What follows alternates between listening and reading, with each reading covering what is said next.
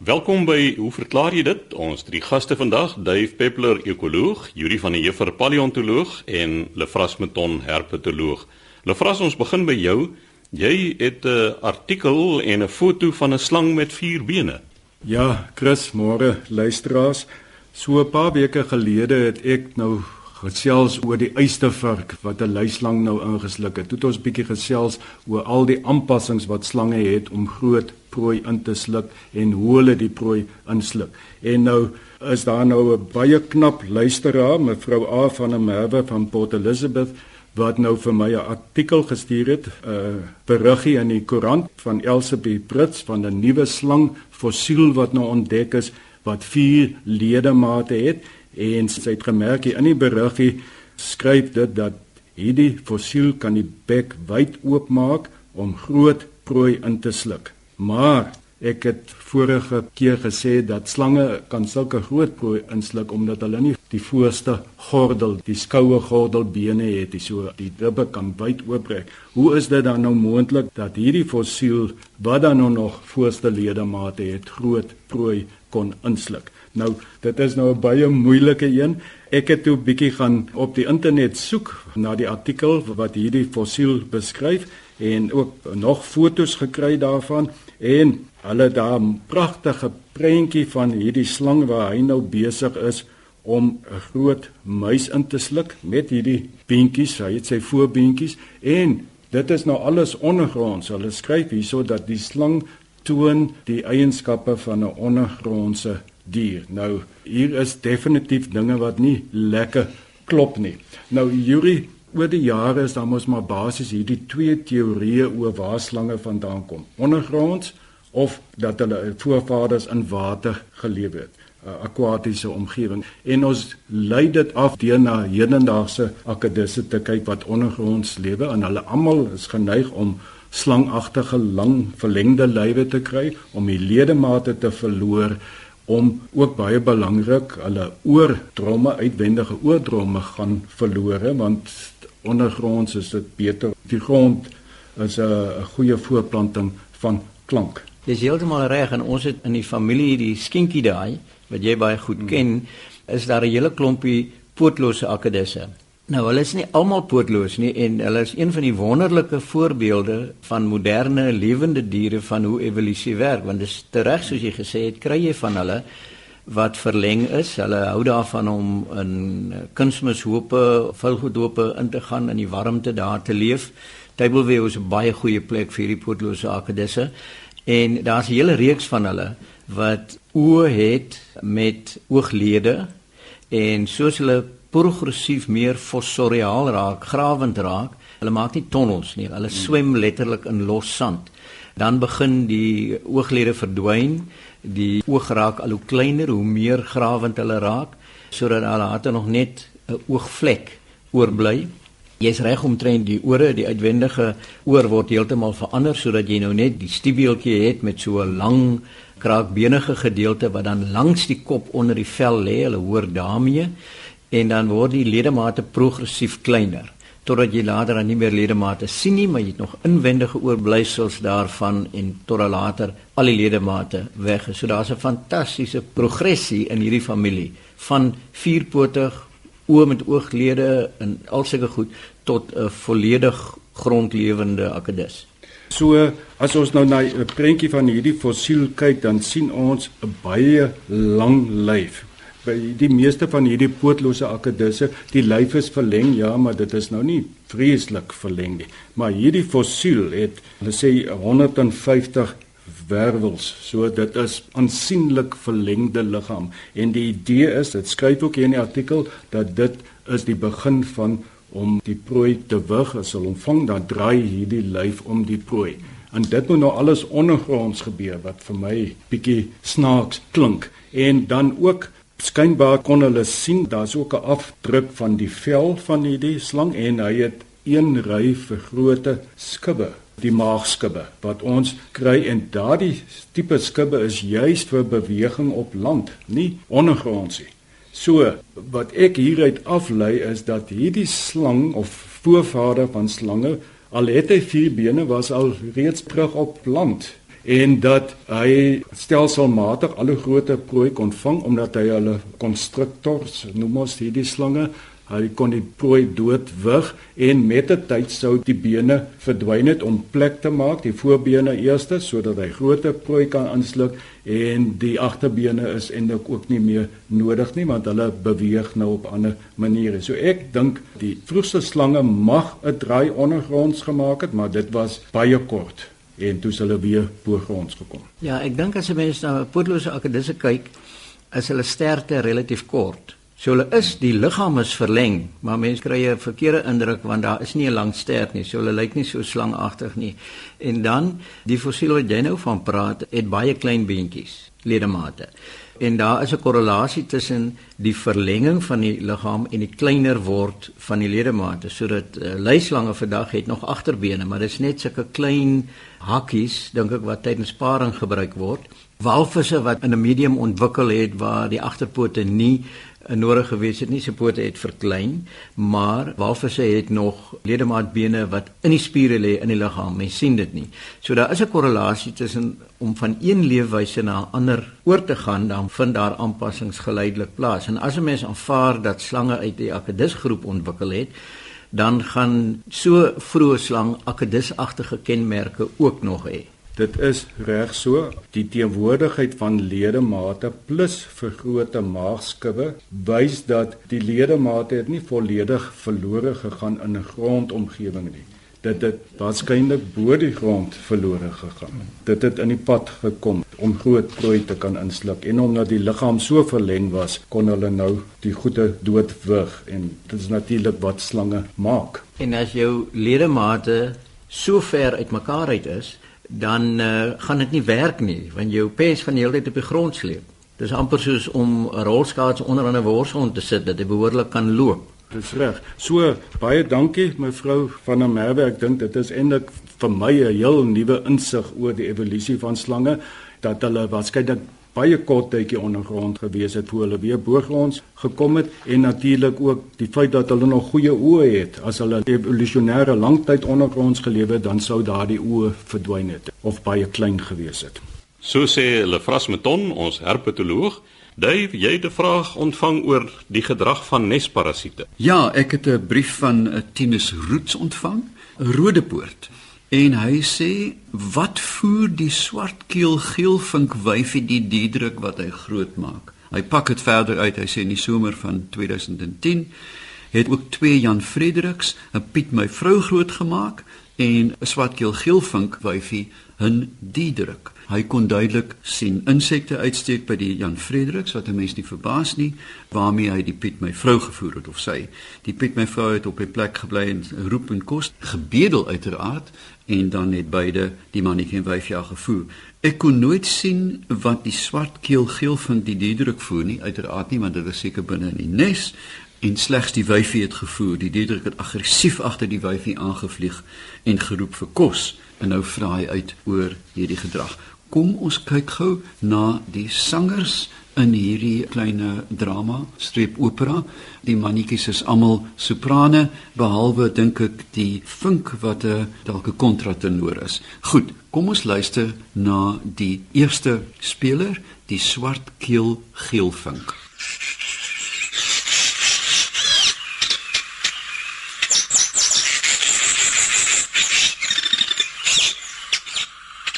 Die volgende sanger, die bekende Diederik.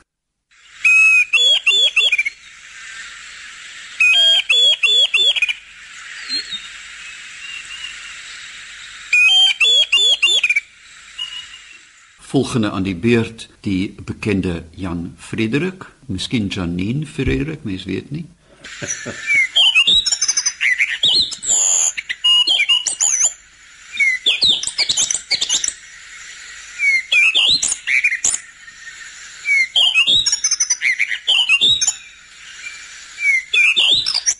Hierdie is wel een van my gunsteling dagbreekgeluide. Dit klink na iemand wat inkopies doen en die lysie aflees en dan laastens die alombekende Piet my vrou.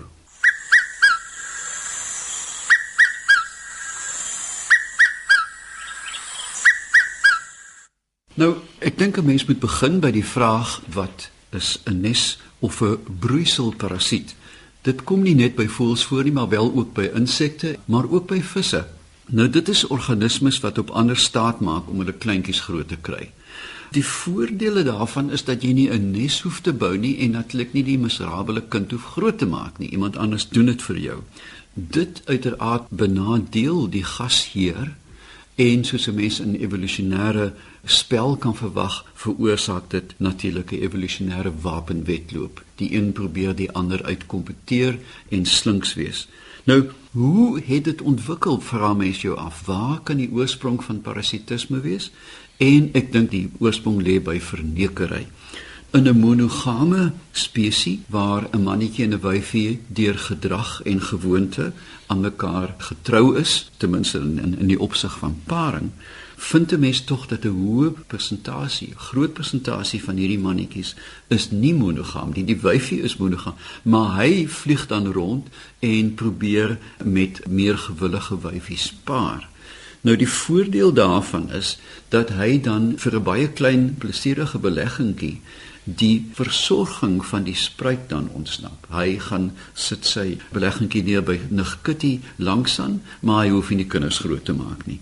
En dit het dalk uitgerol later na 'n volledige parasitiese stelsel waar jy glad nie groot maak nie en Nugkitty ook agtergekom het dat as sy die eiers gaan lê by Nug Frederik langsaan se vrou, dan hoef sy glad nie eers die kleintjies groot te maak nie.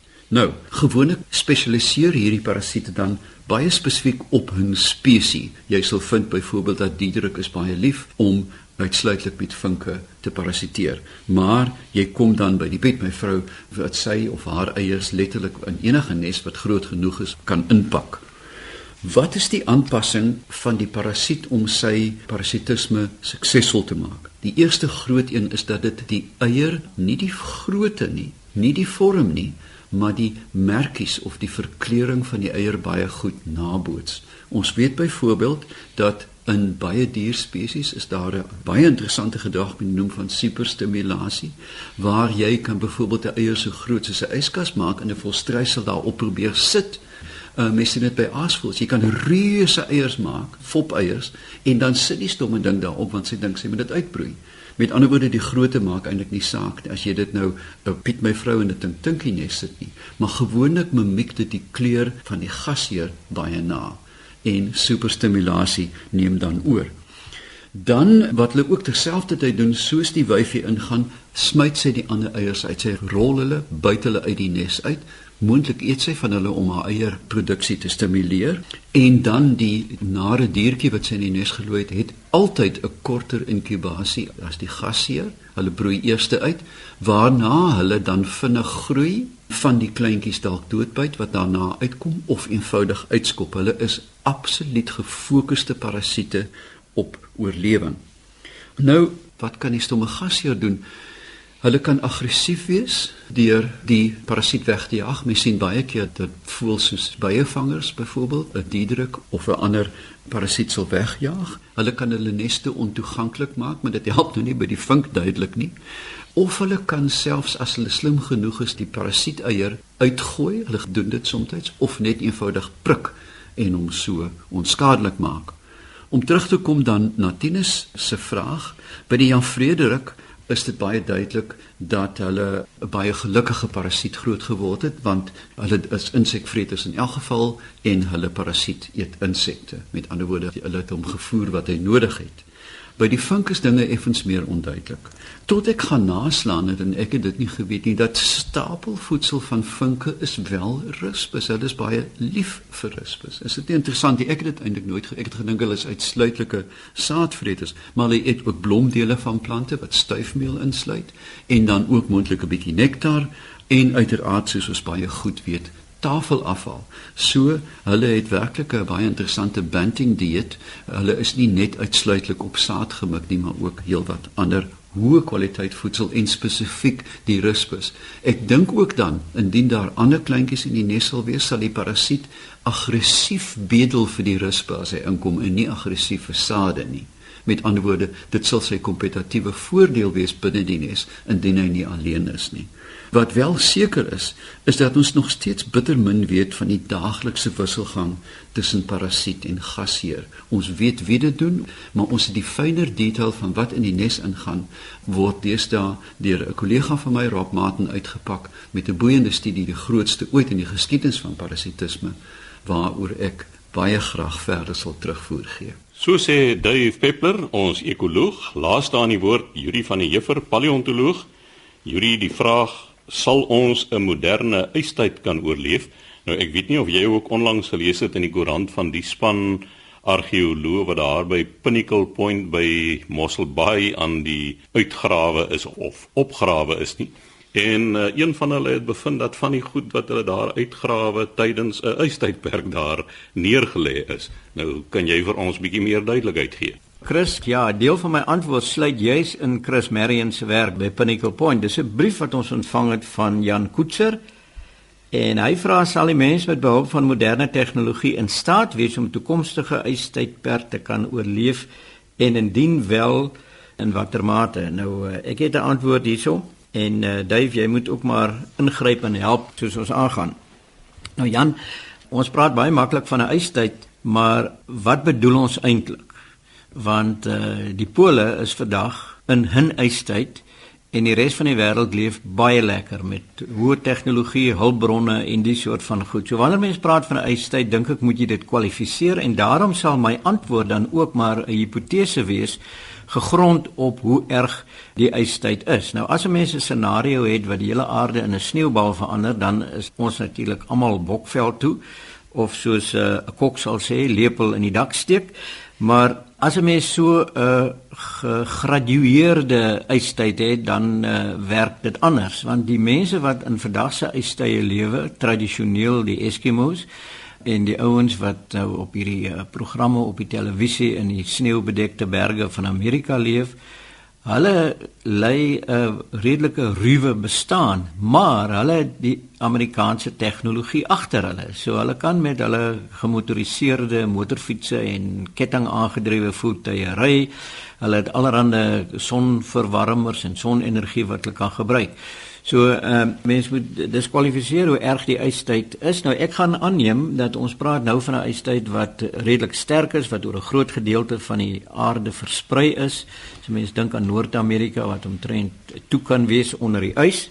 En ons dink dan aan die ergste scenario wat nou kan plaasvind. Nou wat moet 'n mens dan doen? As die tegnologie gedeeltelik en oor 'n tydperk in duie stort. Nou die eerste ding is ons sal moet skuilings bou stede wat naby die see is in laagliggende gebiede gaan waarskynlik uitgewis word. Hoë bergtoppe kan nog uitsteek bo kan die sneeu of bo kan die ys. So uh, mense sal op een of ander manier moet dink aan wat se skuilings jy nou gaan gebruik. Ons sal weer moet leer hoe om vuur te maak om nie net die komponente te gaan koop by 'n winkel nie, ons sal moet oes waar jy kan leer hoe om vuur te maak en dan kleding. Daar gaan nou nie meer sintetiese vesels wees wat jy kan aantrek nie, so dit gaan waarskynlik dierehuide wees, velle van diere, pelse. En uh, ek kan my goed voorstel as so iets sou gebeur en ons doen dan opname vir RSG en ons sit lekker diep onder die grond in 'n bunker of 'n grot en ons leier hier is uitgedos in 'n vollengte jas van duinemol pels met so 'n mooi ontwerpte klapmuts van miskien dassievel, dan sal ons kan oorleef. En dan is dit ook belangrik wanneer 'n mens hierdie soort kleding in baie koue tydperke gebruik, is die verskillende lae wat jy moet aanwend, want dit is nie sommer net vir 'n jas aantrek nie. Daar's 'n sekere gelaagdheid aan die klere wat jou dan warm hou en die lug vang. So die regte volgorde van hierdie kleding sal ons moet leer van die natuurlike huide. En wat se kos gaan 'n mens dan eet? Jy sal moet leer om kos self te verbou. As dit 'n intense ystyd is, dan gaan jy nou nie wywende graanvelde en groentelande hê nie.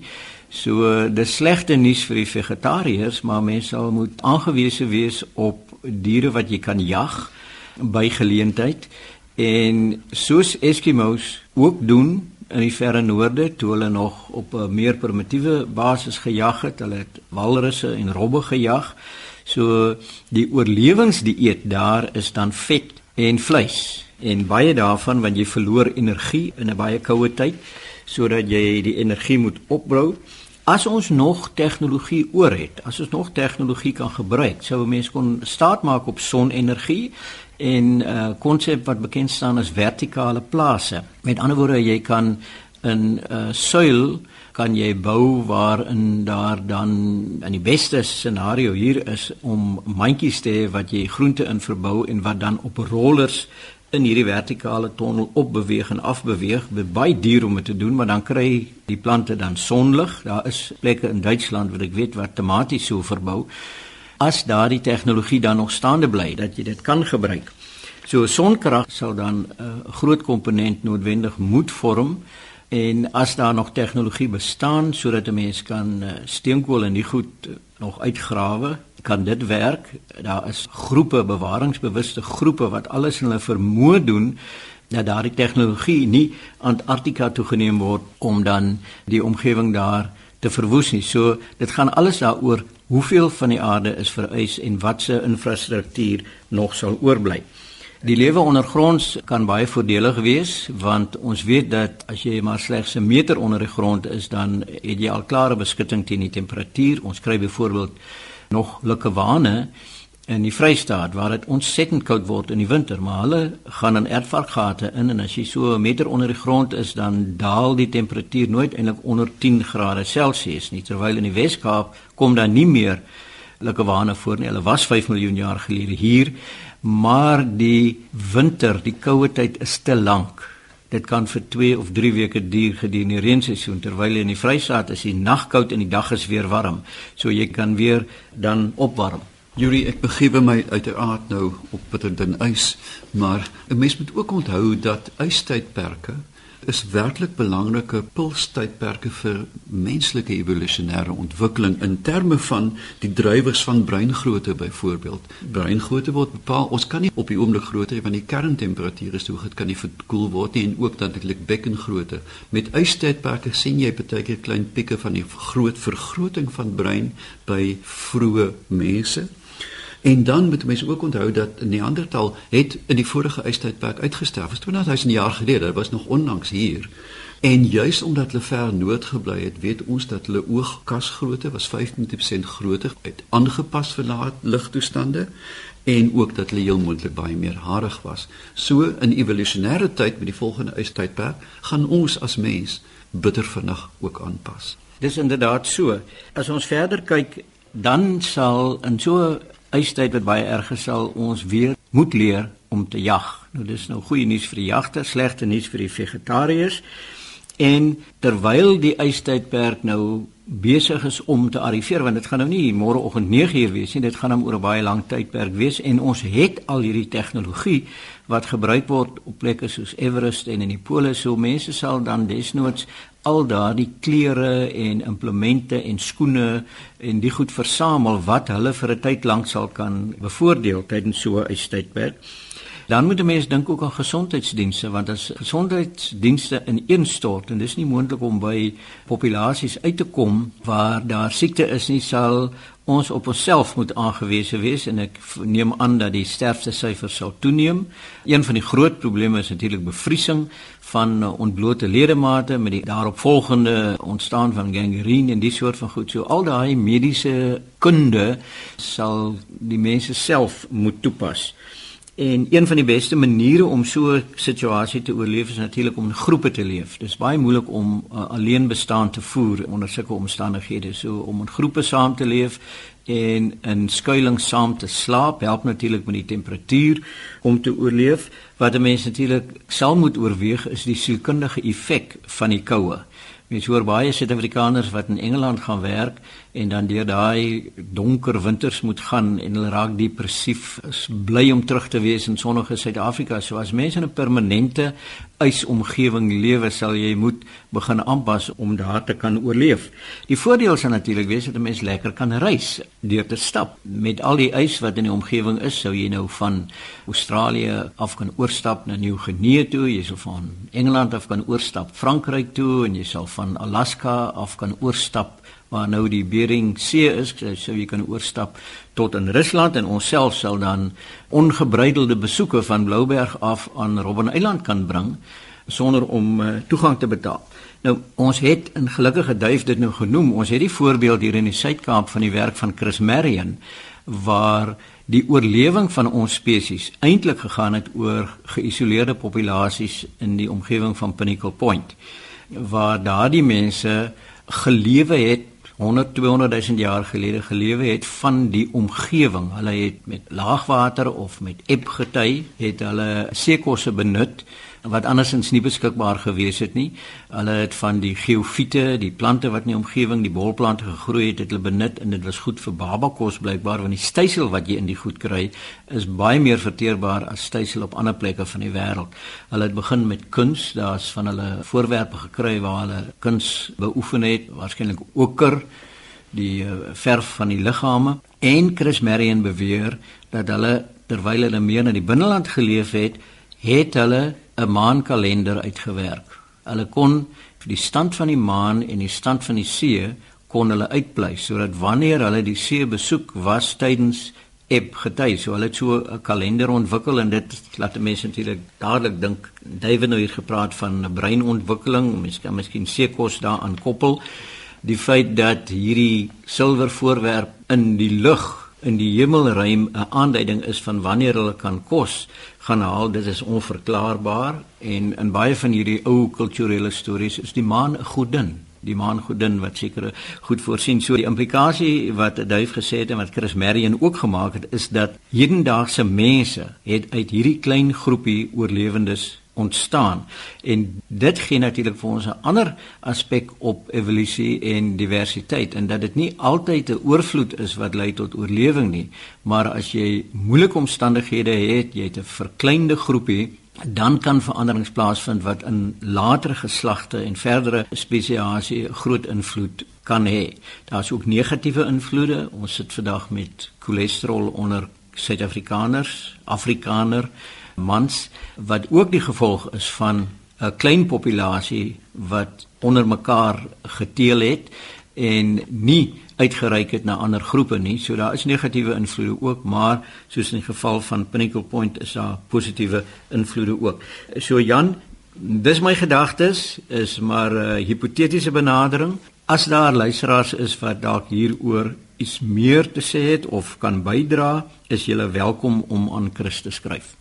So sê Juri van der Heever, ons paleontoloog, die tyd het ons ook ongelukkig ingehaal. Skryf gerus aan, hoe verklaar jy dit? Posbus 2551 Kaapstad 8000 of rig 'n e-pos aan chris@rsg.co.za.